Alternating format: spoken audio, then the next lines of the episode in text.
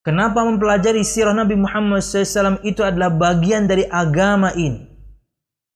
Dengannya seorang mendekatkan diri kepada Allah Subhanahu wa taala. Karena kehidupan Nabi kita Muhammad yang mulia sallallahu alaihi wasallam adalah kehidupan yang mengajarkan kepada kita untuk memberi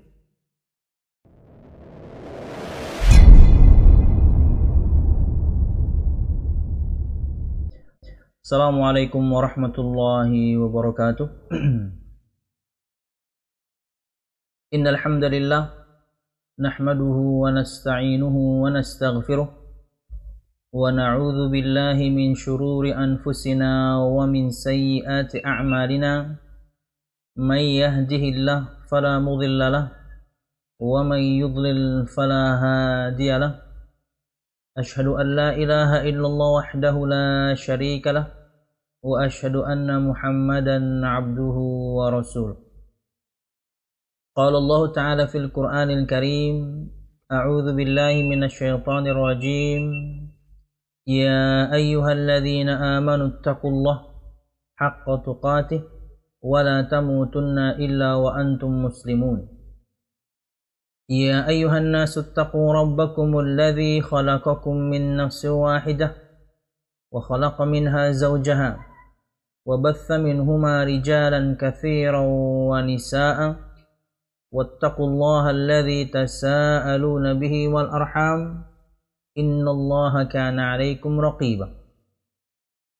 يا أيها الذين آمنوا اتقوا الله وقولوا قولا سديدا. يصلح لكم أعمالكم ويغفر لكم ذنوبكم. ومن يطع الله ورسوله فقد فاز فوزا عظيما.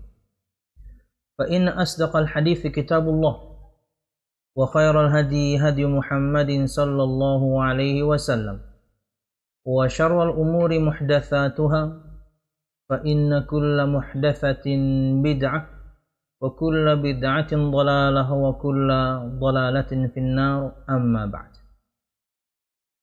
Ikhwati at-talabah rahimakumullah para santri yang dirahmati Allah Subhanahu wa taala para santri pesantren Islam Al-Irsyad Tengaran cabang 8 atau Bakkah kelas eh, 10 ya.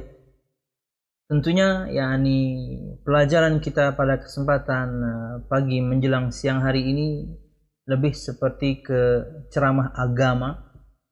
Artinya yakni anak akan menyampaikan materi dan kemudian antum mendengarkan dan bagus lagi kalau kemudian mencatat poin-poin yang penting. Tapi untuk yakni pertemuan pertama ini kita mungkin tidak masuk dulu ke yakni kitab yang telah ditentukan oleh kurikulum pesantren.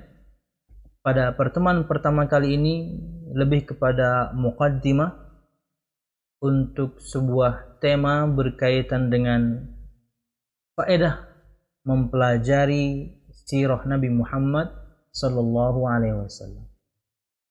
Faedah-faedah mempelajari sirah Nabi Muhammad sallallahu alaihi wasallam. Dan tentunya uh, yakni ikhwati at-talabah Uh, kenapa? Yani mungkin kalau antum lihat anak pajang di sini beberapa kitab, ini sebenarnya kitab-kitab penopang. Kitab-kitab penopang untuk siapa pun di antara antum yang ingin eksplor lebih dalam mengenal Nabi Muhammad Sallallahu Alaihi Wasallam. Kitab yang menjadi kurikulum untuk kita yang berjudul Raudatul Anwar yani Rawdatul Anwar fi Siratin Nabil Mukhtar. Itu kitab yang ini. Tidak ada terjemahannya. Tentunya yani terjemahan itu hanya membantu. Jangan jadikan kemudian ia seperti layaknya buku induk untuk antum. Karena antum para pelajar. Antum harus asah bahasa Arabnya Kalaupun harus buka kamus ya kamus bahasa Arab untuk bahasa Arab. Ini untuk bacaan. Makanya Anda sebutkan tadi untuk eksplorasi. kurikulum kita itu kitabnya adalah Raudatul Anwar fi Siratin Nabil Mukhtar karangan Al-Imam Syekh Safiyur Rahman Al-Mubarak Furi dan itu ringkasan. Ini ringkasan. Kayak gini gambarnya. Mungkin nanti di kita akan review sebenarnya mudah antum juga nanti bisa nonton reviewnya. Masing-masing dari kitab ini kita akan review. Anda akan berikan keterangan singkat tentangnya agar kemudian memotivasi untuk memiliki uh, dan membacanya. Inilah terjemahan untuk yakni kurikulum yang kita pelajari. Antum bisa melihat bagaimana tampilannya ya. Oke. Okay. Sirah Nabi Muhammad sallallahu alaihi wasallam. Judul aslinya adalah Raudatul Anwar fi Siratin Nabil Mukhtar, ringkasan dari Ar-Rahiqul Maktum. Ini buku aslinya, Ar-Rahiqul Maktum yang versi lebih lengkapnya. Jadi Radul Anwar fi Sirati Nabil Mukhtar itu ringkasan dari Ar-Rahiq Al-Maktum. Dari pengarang yang sama tentunya karena ini ringkasan dari kitab yang asli dan terjemahan Indonesia-nya ya kurang lebih saja sirah Nabi Muhammad, perjalanan hidup Nabi Muhammad sama. Dan tentunya yakni mudah untuk dimiliki, banyak dijual di toko-toko buku ternama. Oke? Okay? Nah, kemudian karena kita sebutkan ini adalah kitab-kitab untuk eksplorasi. Salah satu di antara kitab ini tentunya karena kurikulumnya yang ini, ya mungkin antum bagusnya memiliki ini. Dapatkan di toko buku terdekat yang ini. Nah, faedah perkejadian, faedah perkejadian itu ada di sini.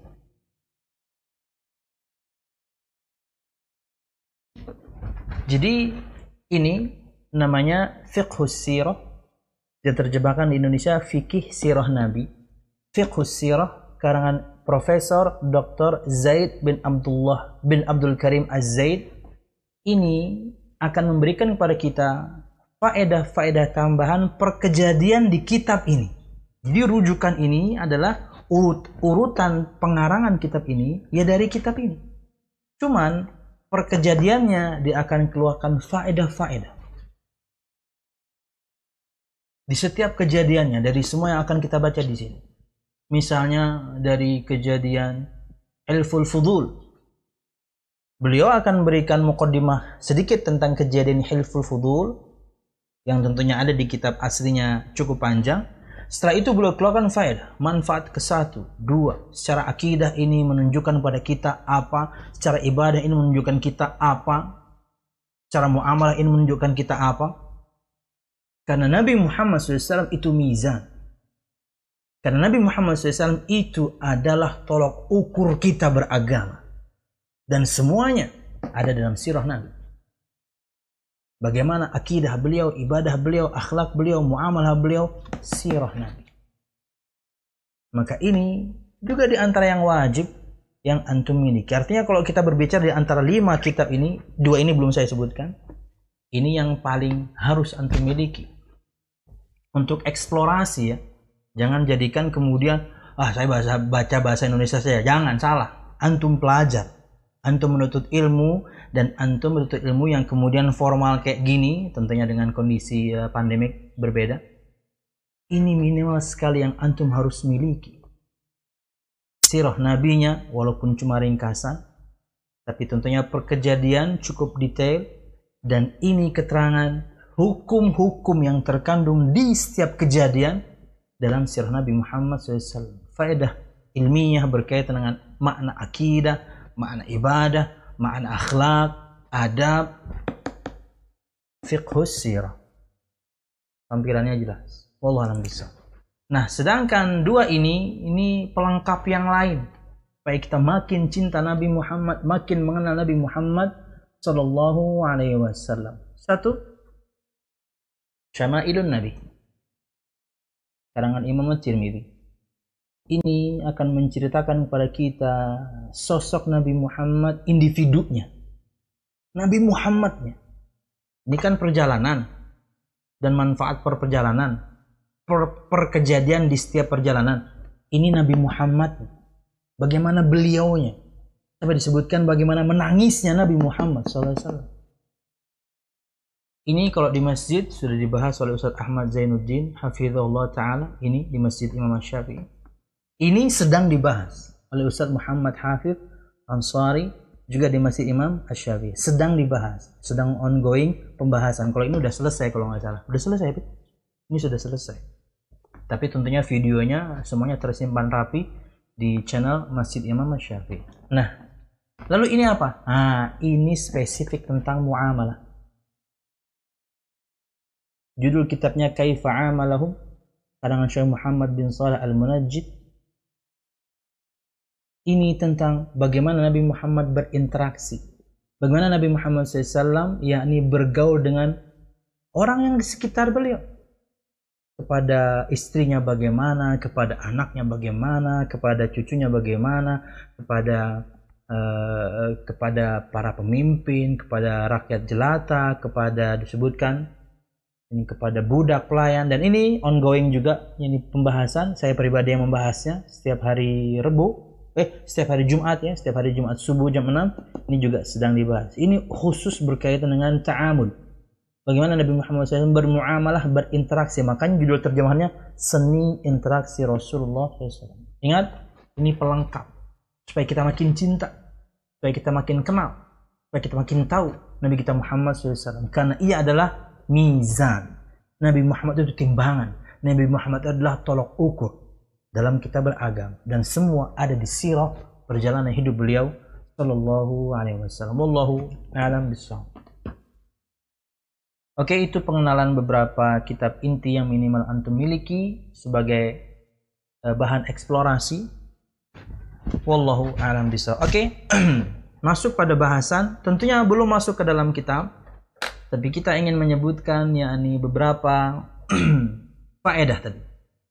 Dan ini uh, kita ambil dari tulisan Syekh Abdul Razak bin Abdul Muhsin Al-Abbad Al-Badr hafizahumullah subhanahu wa taala dan ini juga tulisan ini juga dicantumkan oleh penerbit tulisan ini 10 faedah mempelajari sirah Nabi dicantumkan oleh penerbit dalam terjemahan buku yang kita bahas. Di terjemah eh, terjemahannya ada di sini.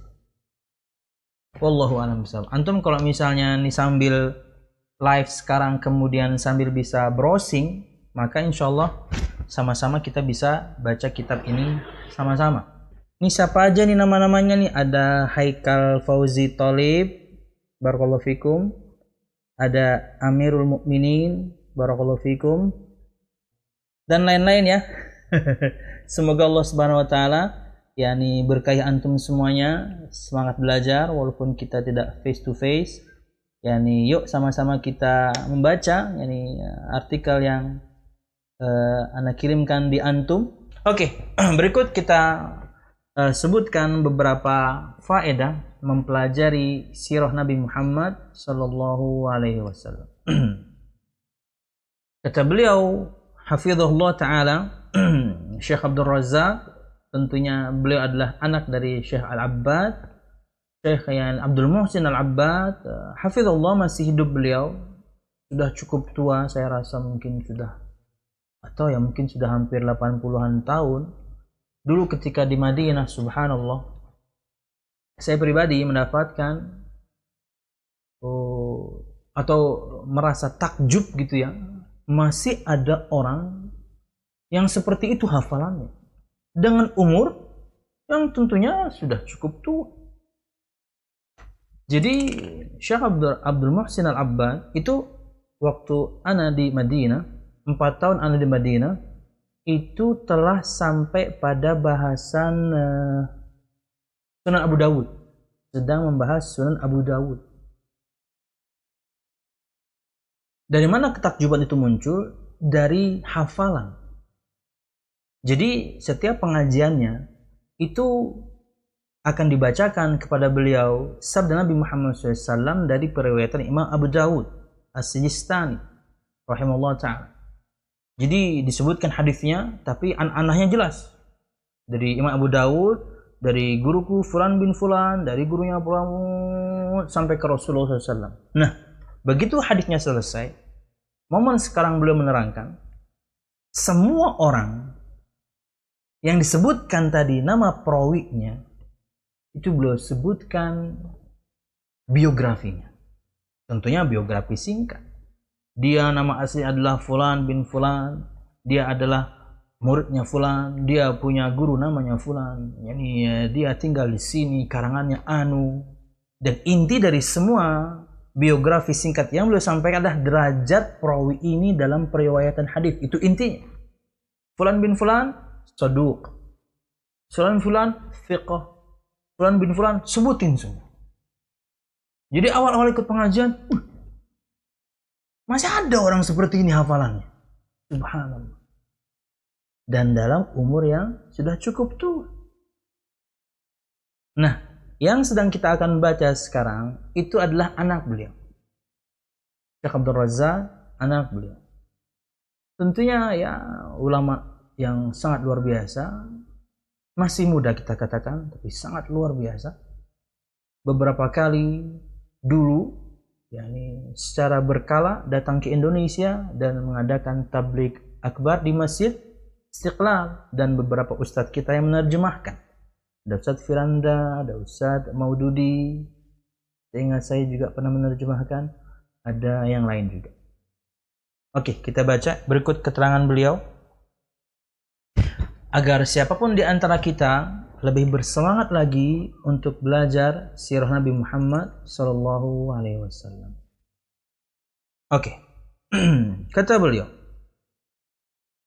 "Inna dirasat as-sirah an-nabawiyyah al-'atirah tu'addu ghidha'an lil qulub wa bahjatan lin nufus wa sa'adatan wa ladzatan wa qurrata 'ainin." bal innaha juz'un min dinillahi subhanahu wa ta'ala wa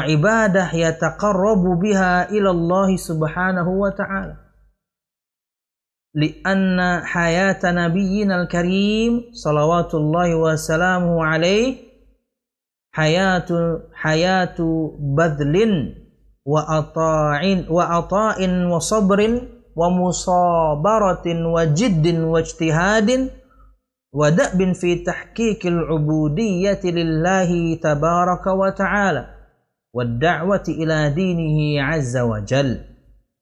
وفي دراسة السيرة فوائد عظيمة جدا ومنافع متعددة أذكر بشيء منها شهذا للهمم للصبر والمواصلة والعناية بدراسة سيرة نبينا صلوات الله وسلامه وبركاته عليه. ومن هذه الفوائد هي كتب اليوم حفظ الله تعالى. Sesungguhnya mempelajari sirah nabi yang al-atirah ini dari itir ya. wangi harum sirah nabi yang indah kita terjemahkan tu'addu ghidha'an lil qulub itu dihitung seperti gizi untuk hati. Makanya ikhwati fillah, ikhwati at-talaba rahimakumullah pembahasan mempelajari sirah Nabi Muhammad SAW itu pembahasan memang level paling tinggi. Saya katakan level paling tinggi. Level penyempurnaan kan kita tahu bahwasanya tahapan kita belajar, tahapan kita belajar, kita belajar akidah, rukun iman, dan kemudian perkara-perkara akidah yang lain sebagai pondasi. Kemudian di atasnya ibadah, bangunannya, bangunan di atas pondasi harus sesuai dengan ajaran Nabi Muhammad SAW. Di atasnya ada pembahasan tazkiyatun nufus, pengsucian jiwa, pengsucian hati dan jiwa. Dan itu dipelajari dari sirah Nabi Muhammad SAW. Bagaimana hingga kemudian seorang bisa memiliki akhlak yang mulia semulia Nabi Muhammad. Walaupun nggak pernah akan sama, tapi panutannya benar. Agar dermawan Nabi Muhammad. Agar tidak tergesa-gesa. Agar jadi orang penyabar. Agar, agar semua amalan hati. Hingga kemudian orang itu hatinya bersih Kalau di masyarakat biasa diistilahkan dengan tasawuf ya. Kita ada bahasan begitu namanya tazkiyatun nufus, pengsucian hati dan jiwa. Dan semua berporos kepada Nabi yang mulia Muhammad Rasulullah SAW. Anda ingin suci dan bersih, hati Anda dari begitu banyak penyakit hati hingga kemudian hati Anda bersih, Nabi Muhammad adalah kemudian panutan kita. Makanya beliau sebutkan di sini mempelajari sirah Nabi Muhammad SAW yang indah ini itu seperti gizi untuk hati. Ya, tubuh kita perlu gizi, hati kita ini perlu gizi secara maknawi. Artinya bukan kemudian betul-betul gizi dalam bentuk makanan atau minuman, enggak. Maknawi, abstrak. Belajar sirah wabah jahlin nufus cahaya untuk hati. Wa sa'adah kebahagiaan. Waladzah kelezatan. Wa qurratain keindahan. Mempelajari sirah Nabi Muhammad sallallahu alaihi wasallam bal inna juz'un min dinillah subhanahu wa ta'ala bahkan ia adalah bagian dari agama Allah subhanahu wa ta'ala mempelajari sirah Nabi itu bagian dari agama Allah Subhanahu wa taala. Wa ibadah yataqarrabu biha ila Allah dan ia adalah sebuah ibadah dengannya seseorang mendekatkan diri kepada Allah Subhanahu wa taala. Kenapa memangnya? Belajar sirah adalah ibadah dengannya kemudian seseorang mendekatkan diri kepada Allah Subhanahu wa taala. Perhatikan, li anna hayata nabiyyina al-karim salawatullahi wassalamu alaihi hayatu badlin wa ata'in wa sabrin wa musabarah wa jiddin wa ijtihad wa da'bin fi tahqiqil ubudiyah lillah tabaraka wa ta'ala wa da'wah ila dinihi azza wa jalla Kenapa mempelajari sirah Nabi Muhammad SAW itu adalah bagian dari agama ini. Dengannya seorang mendekatkan diri kepada Allah Subhanahu wa taala. Karena kehidupan Nabi kita Muhammad yang mulia Sallallahu alaihi wasallam adalah kehidupan yang mengajarkan kepada kita untuk memberi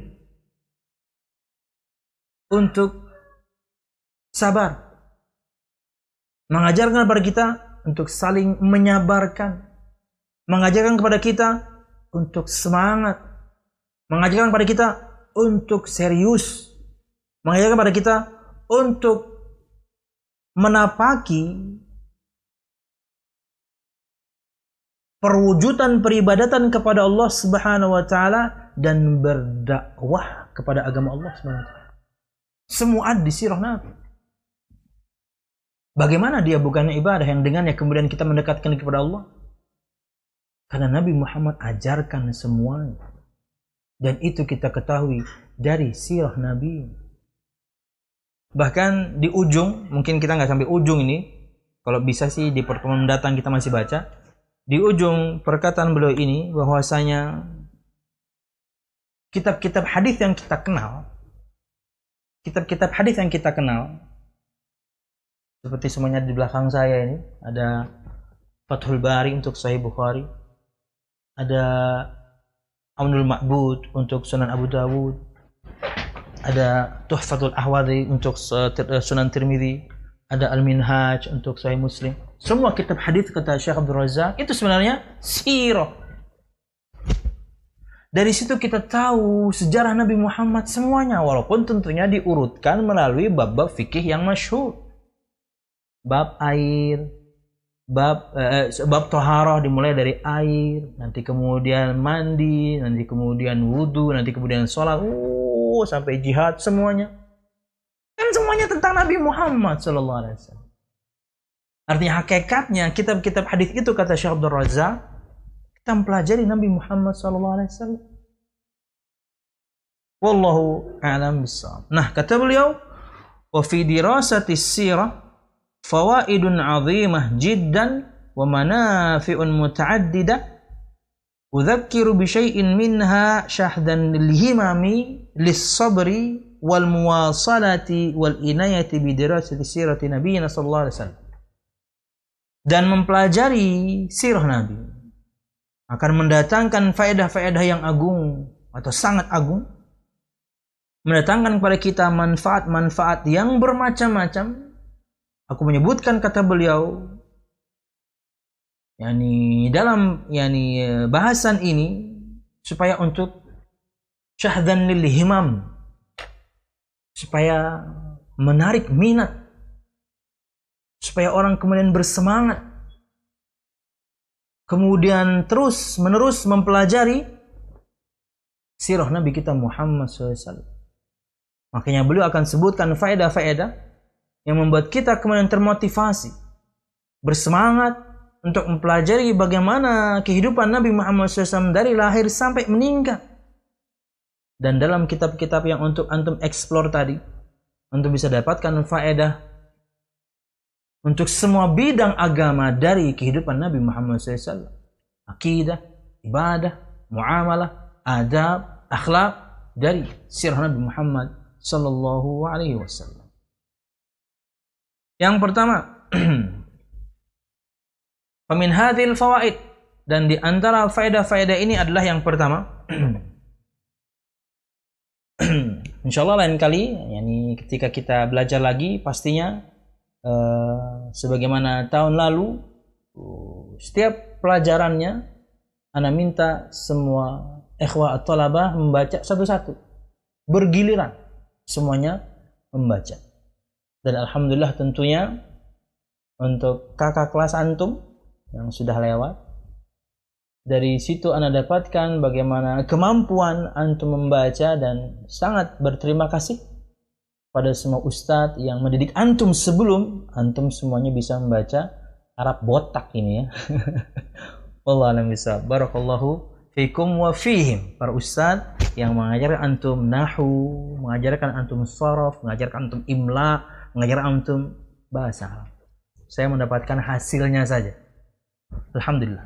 Oke, lanjut. Perhatikan uh, ayuhat talaba dan juga para pemirsa karena ini saya videokan nanti kami akan potong kami akan edit layak kemudian untuk umum ya makanya kita sebutkan pemirsa yang pertama anna nabiyyana sallallahu alaihi wasallam uswatun lil alamin wa qudwatun lahu fil aqidati wal ibadati wal akhlaq Kama qala subhanahu wa ta'ala Laqad kana lakum fi rasulillah uswatun hasanah liman kana yarjullaha wal yawmal akhir wa dzakarallaha katsira. Wa tahqiqu hadzal hadzal ittisa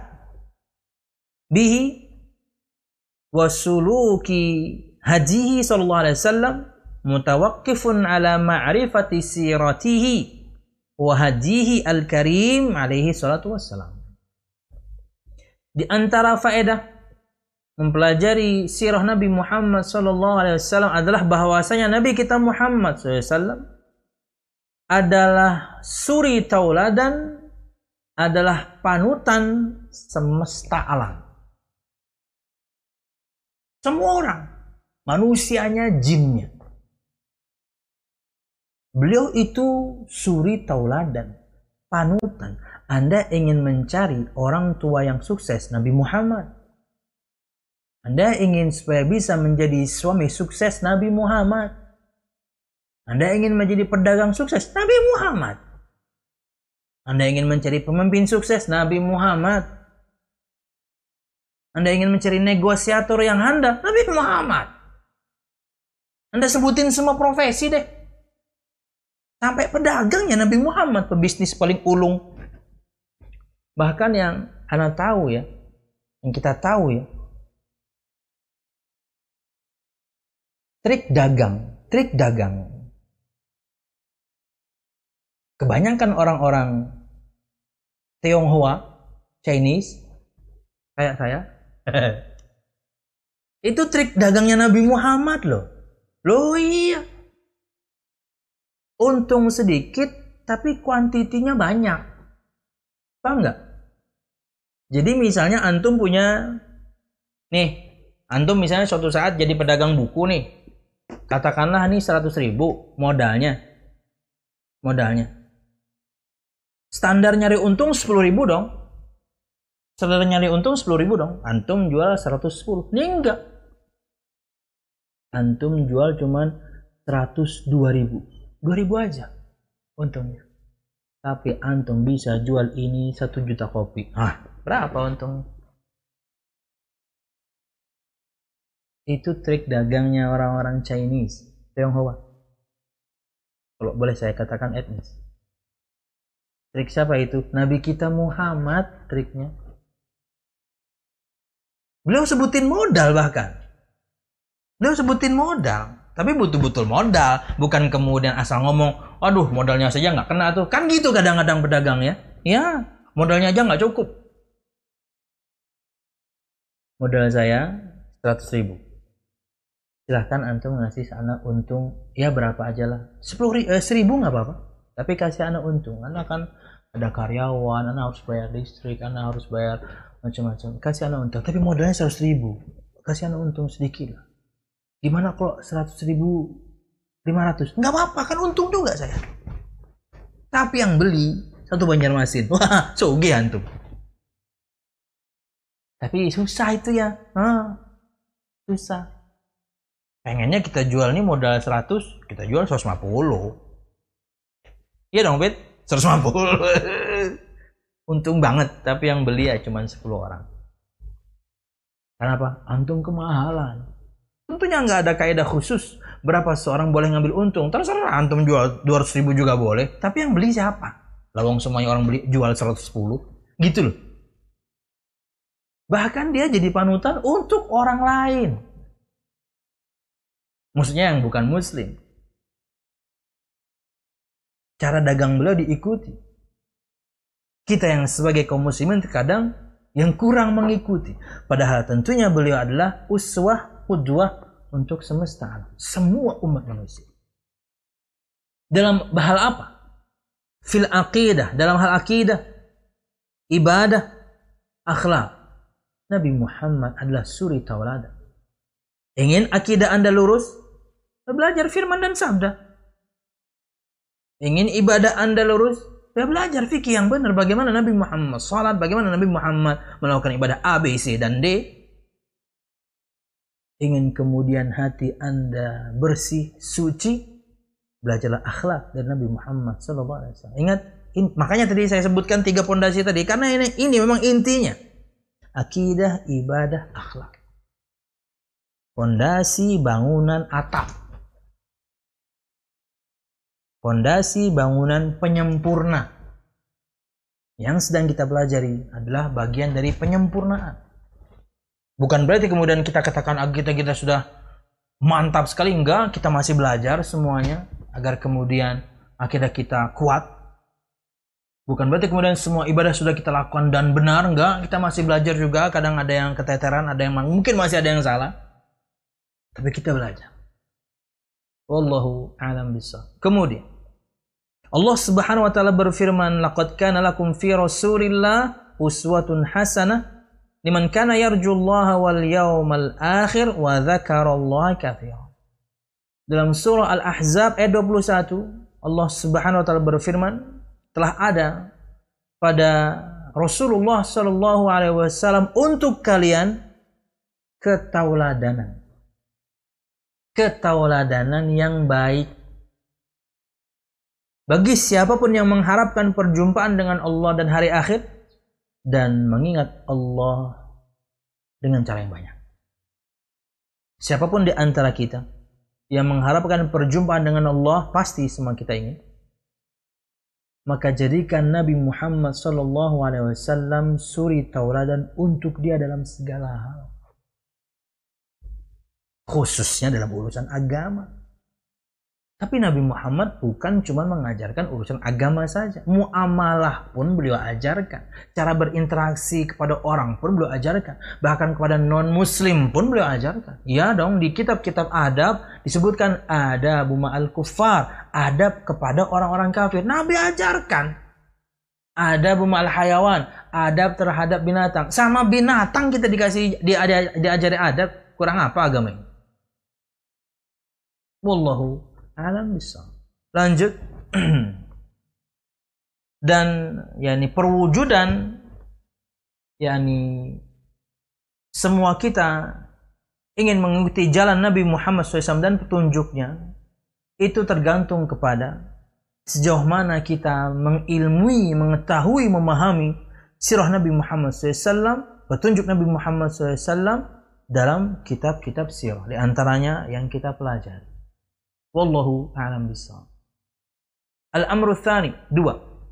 Di antara faedah mempelajari sirah Nabi adalah anna siratan Nabi sallallahu alaihi wasallam wa hadihi sallallahu alaihi wasallam al-qawim yu'addu mizanan tuzanu fi dhawihi al-a'mal فما كان منها موافقا لهديه وسلوكه عليه الصلاة والسلام فهو المقبول وما كان منها ليس موافقا لهديه عليه الصلاة والسلام. آه ولسلوكه فهو المردود. وفي هذا المعنى يقول سفيان ابن عيينة رحمه الله تعالى فيما روى الخطيب البغدادي في مقدمة كتابه العظيم الجامع لأخلاق الراوي وآداب السامع إن رسول الله صلى الله عليه وسلم هو الميزان الأكبر. فعليه تؤرض الأشياء على خلقه وسيرته وهديه. فما وافقها فهو الحق وما خالفها فهو الباطل.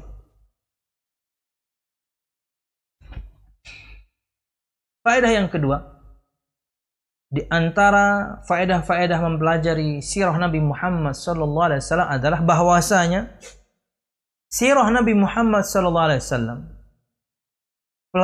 perjalanan Nabi Muhammad SAW, perjalanan kehidupan Nabi Muhammad SAW, dan petunjuknya yang lurus, itu adalah sebagai mizan, sebagai timbangan, sebagai tolak ukur di mana semua amal itu di bawah naungan cahayanya.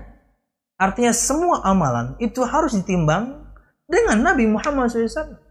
Dengan petunjuk Nabi Muhammad SAW. Dan kita tahu dari sejarah. Makanya kata para ulama hadis, eh, kata beliau Syekh Abdul Razak, kitab-kitab para ulama hadis itu sebenarnya menerangkan sejarah juga. Tapi spesifik berkaitan dengan ibadah.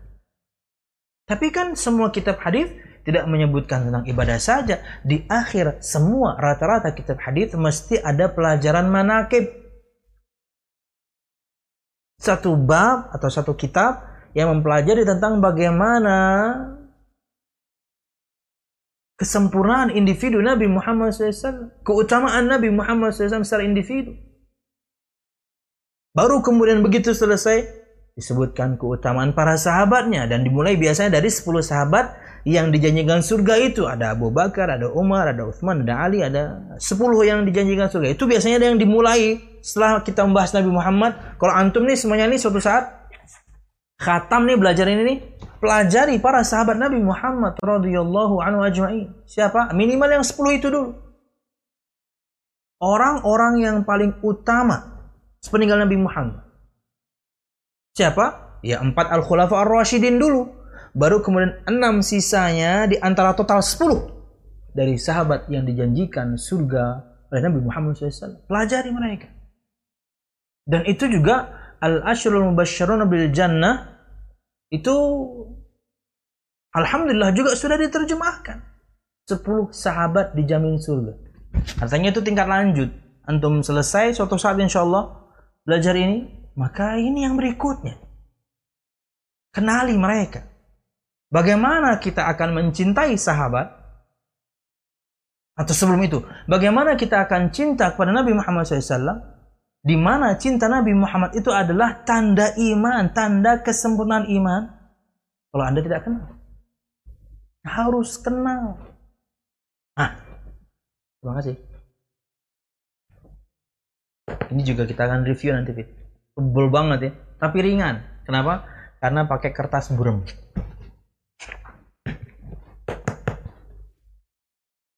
Miliki. Ini ya, orang tua antum yang mungkin ikut nonton, waduh, bakal banyak beli kitab nih. Nggak apa-apa, Pak. Nggak ada ruginya. Iya, harus punya kitab. Di rumah kita harus punya kitab. Kalau kita belum selesai, mungkin anak kita yang akan membacanya juga nanti. 10 sahabat yang dijamin surga. Abdus Sattar Asyikh, keluarganya atau anak turunannya Syekh Muhammad bin Abdul Wahab. Wallahu alam bisa. Lanjut bahwasanya sirah Nabi Muhammad SAW itu adalah timbangan, adalah tolok ukur yang dengannya semua amalan itu ditimbang, diukur. Minha muwafiqan li hadihi wa suluki alaihi salatu wassalam fahuwal makbul. Maka amal apa pun yang bersesuaian dengan petunjuk Nabi Muhammad maka ia adalah amalan yang diterima. Sebelum pelajaran kita ini nih, tadi pagi jam 9.30 kita ada kajian Syarah Al-Qawaidul Arba. Kita juga bahas ini nih. Salah satu di antara dua syarat diterimanya amal al-mutabah ahli rasul sesuai tuntunan rasul mengikuti rasul selain ikhlas harus sesuai tuntunan dalam enam hal biasanya yang kita pelajari dari ibadah Nabi Muhammad SAW. Sebab ibadahnya, jenis, jumlah, hitungan, cara, waktu, tempat. Anda beribadah dan ingin diterima Allah Subhanahu wa taala, fokuslah kepada enam hal ini dan ikhlaskan hanya kepada Allah Subhanahu wa taala. Fokuskan dengan enam hal ini sesuai mungkin, se sesuai sesuai susah amat ya. Setepat mungkin sesama mungkin. Dengan yang diajarkan Nabi Muhammad SAW sebab jenis jumlah perhitungan cara waktu dan tempat ibadah kalau anda betul-betul ingin amal anda diterima Allah Subhanahu wa taala maka ikhlaskah mempersembahkannya kepada Allah dua al-ittiba sesuai tuntunan mengikuti tuntunan. Ini juga yang kita bahas. Sirah Nabi itu adalah timbangan. Sirah Nabi itu adalah tolok ukur. Dengannya ditimbang semua amal. Maka amal apa pun yang bersesuaian dengan petunjuk Nabi Muhammad dan kita ketahui dari sirahnya, maka dialah amalan yang diterima. Sebaliknya, wa makana minha laisa muwafiqan li Dan semua amalan yang tidak bersesuaian dengan petunjuk Nabi Muhammad SAW, jalan Nabi Muhammad SAW, bahwa mardu, maka ia adalah yang tertolak. Kadang sudah mengeluarkan harta banyak, tenaga banyak, uang banyak, mengerjakan satu amalan tapi tidak sesuai petunjuk, tidak sesuai timbangan, tidak sesuai tolok ukur, tidak sesuai yang diajarkan Nabi Muhammad SAW Entah pada sebabnya, entah pada jenisnya. Untuk mudah memahaminya akan hal, enam hal ini perhatikan. Tentunya antum akan pelajari, yakni e, mungkin dalam pelajaran-pelajaran akidah dengan ustadz yang lain. Tapi ini untuk contoh mudah supaya antum bisa memahami dengan mudah maksud dari enam hal yang kemudian kita harus fokuskan diri ini kalau betul-betul ingin sesuai dengan ibadah Nabi Muhammad SAW. Satu sebab sebab sebuah ibadah. Sebab sebuah ibadah itu harus sesuai dengan yang Nabi Muhammad ajarkan. Jika sebabnya tidak sesuai dengan yang Nabi Muhammad SAW ajarkan, maka amal kita percuma. Kenapa? Salah dan tidak sesuai pada sebabnya. Contoh. Contoh adalah menghidupkan malam 27 Rajab karena sebab itu malam Isra Mi'raj. Eh, Isra Mi'raj bukan? 27 Rajab. Ya, Isra Mi'raj. Ikhwah fillah rahimakumullah ayuhat talabah yang dirahmati Allah. Uh, antum ngantuk? Siapa nih yang tidur nih? Waduh. Masih melek kan ikhwah? Oh, masih. Firos masih bangun nih. Hmm. Ah, Azam masih bangun. Alhamdulillah. Siapa nih yang tidur nih? Andrew, wah Andrew masih segar. Ah, Amirul Mukminin juga nih. Nih Amirul Mukminin kok kayak kori yang terkenal itu ya? Masya Allah. Barakallahu fikum. Semoga juga jadi penghafal Al-Quran dan yang lain. Amin. Barakallahu fikum. Sampai mana tadi pemirsa? Aduh, lanjut ya. Enam hal. Oke. Contoh menghidupkan malam eh, 27 Rajab sebabnya karena ia malam Isra Mi'raj. Akhirnya kita pelajari. Apakah betul kemudian Nabi Muhammad SAW mengajarkan sebab ini untuk ibadah itu? Hidupkan malam 27 Rajab dengan zikir, dengan sholat, dengan dengan dengan semua amal karena ia malam Isra Mi'rajku. Maka kita pelajari ada nggak kayak gitu? Adakah memang sebab itu diajarkan Nabi Muhammad SAW? menghidupkan malam 27 Rajab karena ini malam Isra Mi'raj. Telusur punya telusur, taunya nggak ada. Maka ya kita tidak lakukan. Lalu apakah ada uh, lalu apakah orang baca Quran di malam 27 Rajab Orang baca orang zikir di malam 27 Rajab, orang menghidupkan sholat malam di, di malam 27 Rajab, apakah salah? Enggak, kalau memang dia biasa melakukannya setiap hari. Tiap hari memang dia baca Quran, tiap hari memang dia zikir, tiap hari memang dia tahajud, enggak salah. Kenapa? Berarti malam 27 Rajab seperti malam-malam biasa. Lawang dia melakukannya tiap hari kok. Ini enggak. Hari-hari biasa enggak pernah sholat malam. Malam itu dia sholat. Oh berarti Anda khususkan nih amalan nih. Maka ketika kita pelajari tidak ada sebab seperti itu yang diajarkan Nabi Muhammad menghidupkan malam karena sebab ini malam Isra Mi'rajku kita tidak laksanakan. Sebab dua jenis ibadah. Ibadah berkaitan dengan jenis itu banyak kayak yang kita akan hadapi sekarang nih adalah ibadah kurban. Itu ibadah berkaitan dengan jenis. Yaitu hewan kurban yang layak kemudian dijadikan hewan kurban, eh, binatang yang layak dijadikan untuk hewan kurban adalah binatang ternak dan itu terfokus pada tiga saja jenisnya onta, sapi, atau kambing.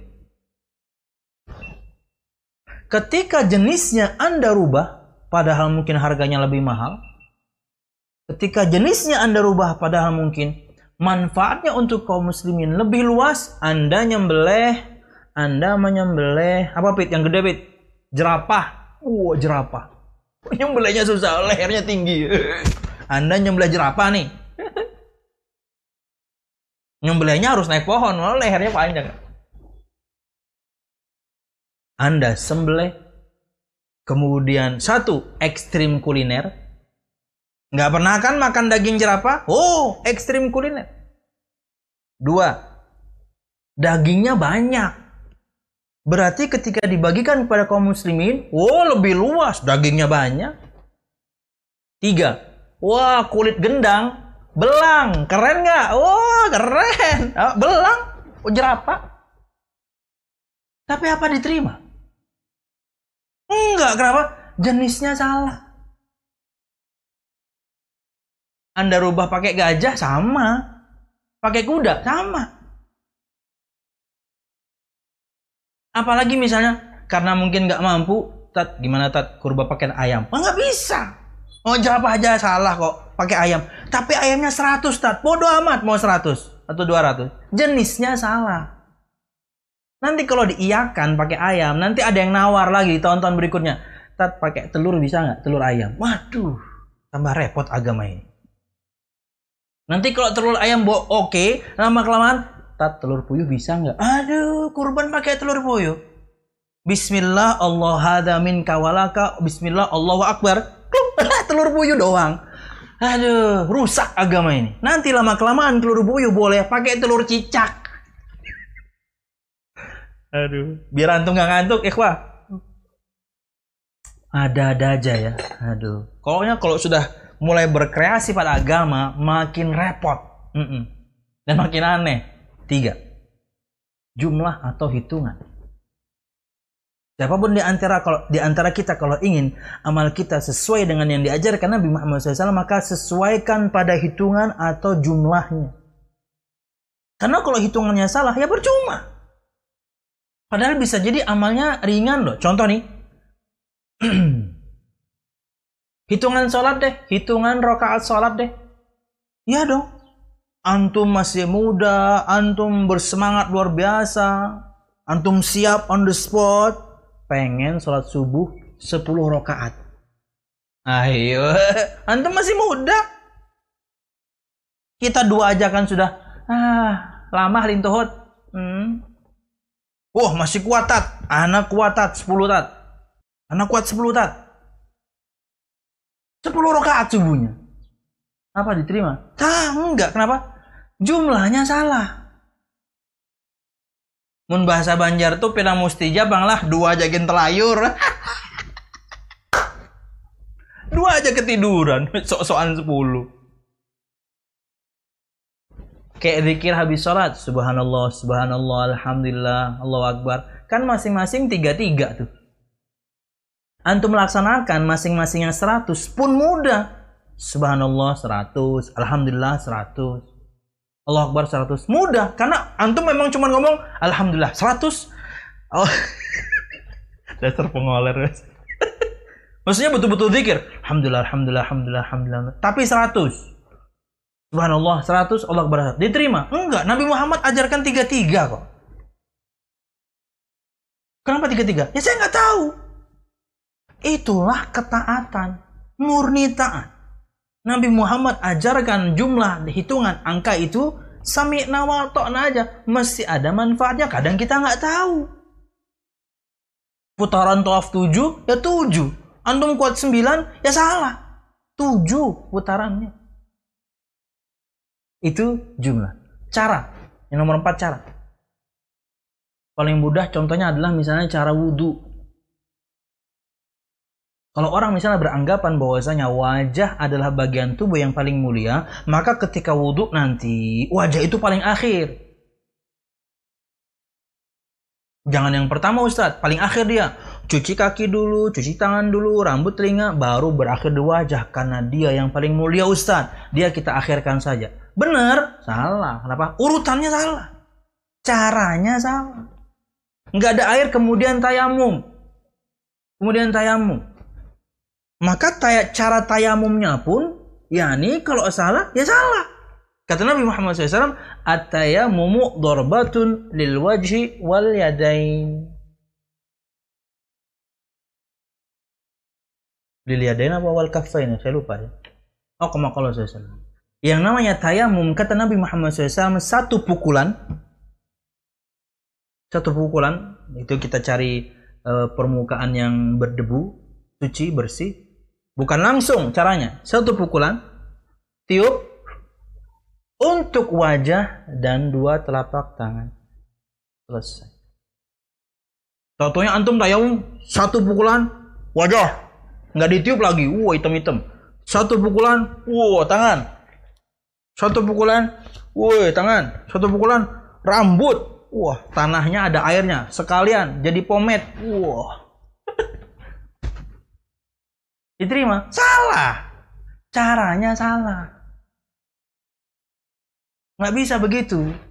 Caranya harus seperti yang Nabi Muhammad SAW ajarkan. Kemudian yang ke lima enam waktu, timing. Kalau ibadah Anda ingin sesuai dengan Nabi Muhammad SAW, pengwaktuannya harus tepat. Kayak yang kita akan hadapi ini. Kurban itu ibadah jenis ibadah waktu juga. Kenapa? Karena Nabi Muhammad ajarkan timingnya pengwaktuan menyembelih kurbannya itu ketika Idul Adha setelah sholat Id. Kalau suatu saat nanti misalnya kita tidak melaksanakan sholat Idnya, maka kita harus ukur kurang lebih waktu orang ketika matahari sudah naik, waktu orang sholat dan dua kali khutbah, kapan? Setelah itu baru kita menyembelih. Jam 8 biasanya sudah selesai itu. Karena matahari sudah naik di jam tujuan. Kemudian kita sholat, khutbah, jam 8 udah selesai. Timingnya tuh itu. Maka kalau misalnya Anda menyembelihnya, tanggalnya udah bener nih. Hari 10. Tapi Anda menyembelihnya sebelum subuh. Ya nggak diterima. Kenapa? Timingnya benar separuh. Tanggal 10-nya benar, tapi kemudian ketepatannya salah. Harusnya dia habis sholat id, Anda sebelum sholat subuh. Kasihan sapinya dia juga masih ngantuk. sapinya masih guring di sembelihnya.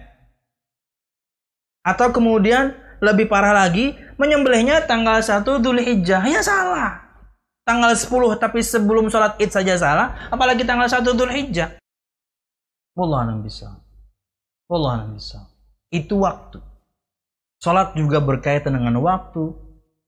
Jam 10 tadi atau jam 11 misalnya tadi antum sudah adzan zuhur kemudian sholat yang gak keterima. Kenapa? Waktunya belum masuk.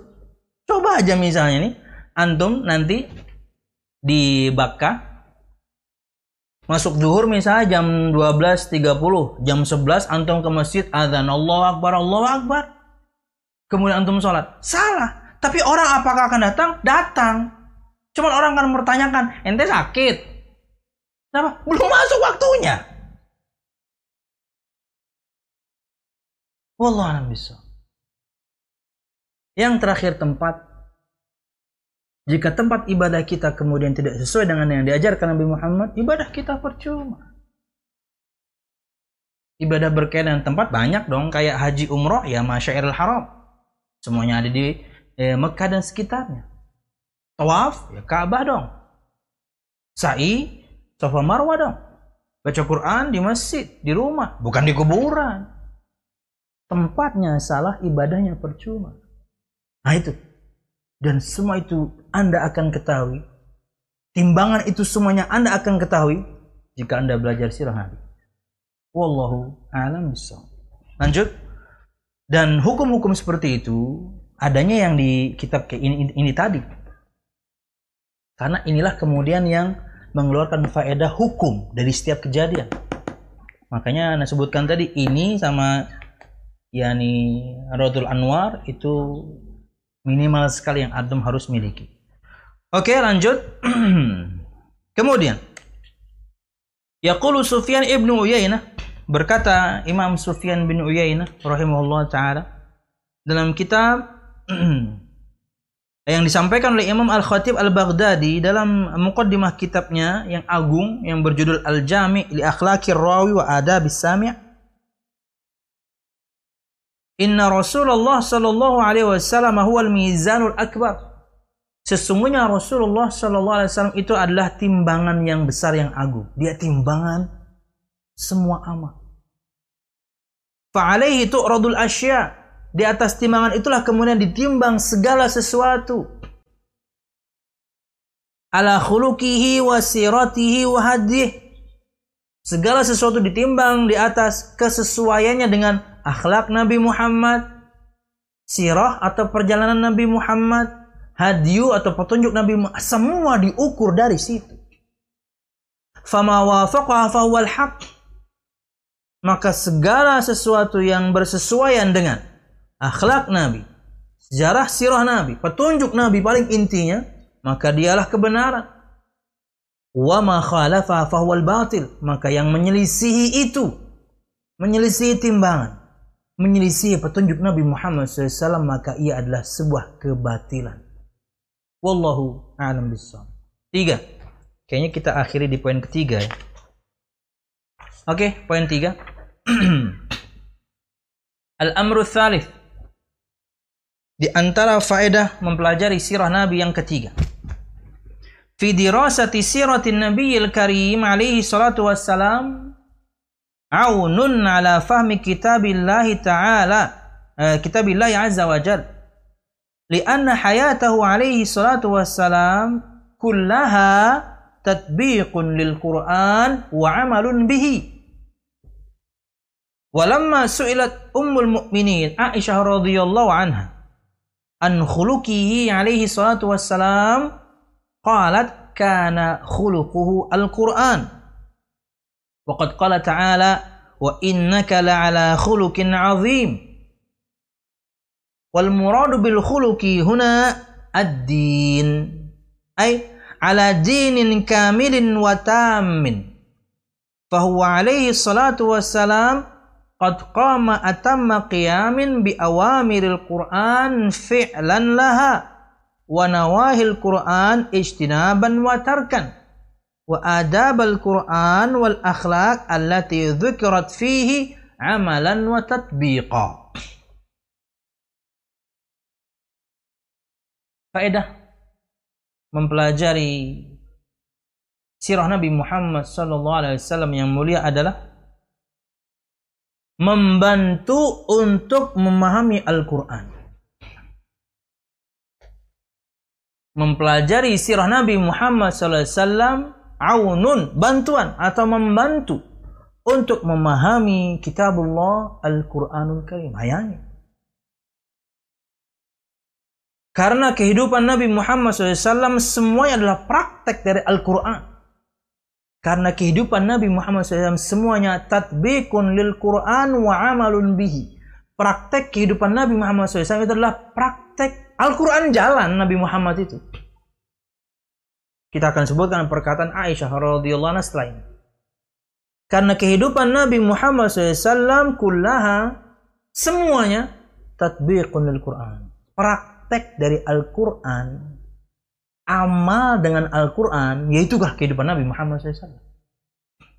Makanya mempelajari sirah Nabi Muhammad SAW menolong kita untuk memahami Al-Quran Al-Karim. Walamma su'ilat ummul mu'minin. Dan ketika ummul mu'minin Aisyah radhiyallahu anha ditanya, an khuluqihi alaihi salatu wassalam tentang akhlak Nabi Muhammad sallallahu alaihi wasallam beliau berkata kana khuluquhu al-Qur'an. Adalah akhlak Nabi Muhammad sallallahu alaihi wasallam Al-Qur'anul Karim. Nabi itu ya Quran jalan. Dan Allah Subhanahu wa taala telah berfirman dalam surah Al-Qalam ayat 4 wa innaka la'ala khuluqin azim. Dan sungguh betul-betul engkau adalah Muhammad SAW di atas akhlak yang agung. Dan sebelum ayat ini sebelum ayat ini ada sumpah kalau tidak salah. Ya, ini surah Nun kan? Eh surah Al-Qalam ya.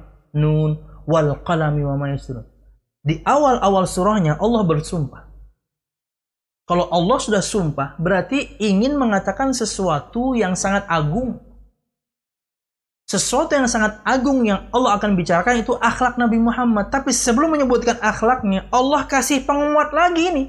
Antum insya Allah sudah belajar semua ya tentang ya, uh, tentang inna. Inna wa akhwatuha. Sudah belajar insya Allah. Di Nahu. Kalau ada inna, atau ada kemudian lam sebelum yani yani apa istilahnya tuh fi'il mudhari ada lam fathah atau ada nun tasydid setelah fi'il mudhari itu kan semuanya untuk penguat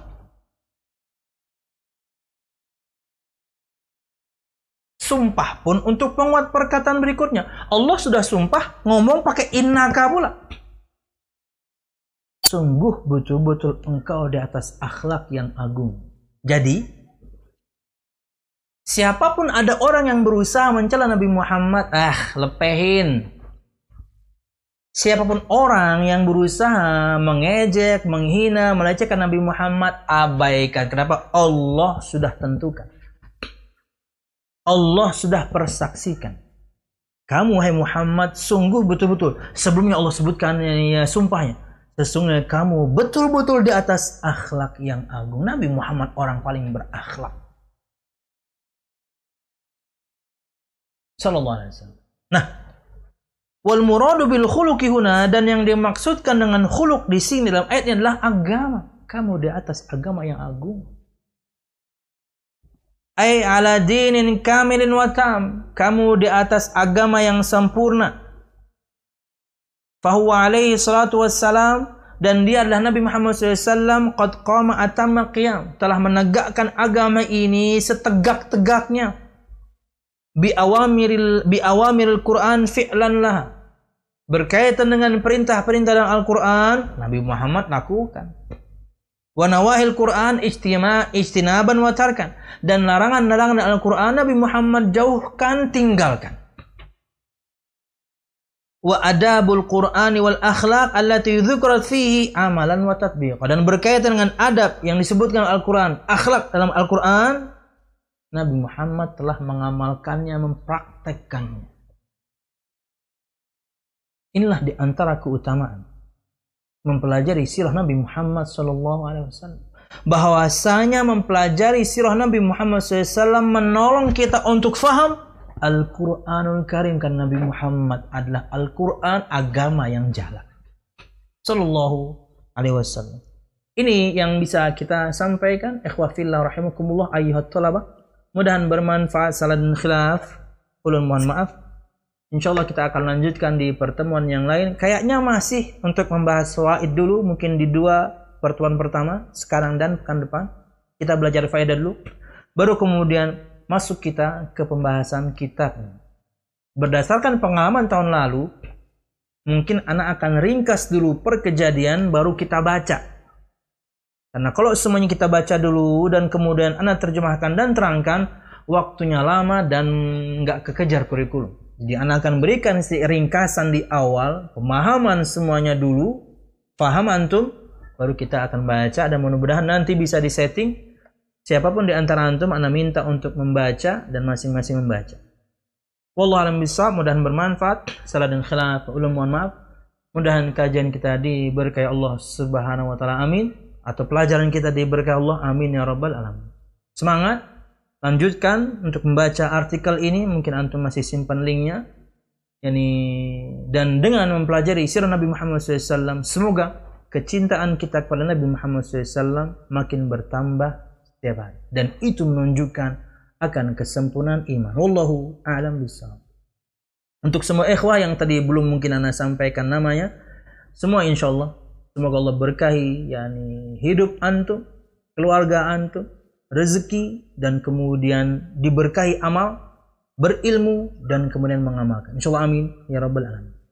Subhanakallah bihamdika asyhadu an la ilaha illa anta astaghfiruka wa atubu ilaik. Wassalamualaikum warahmatullahi wabarakatuh.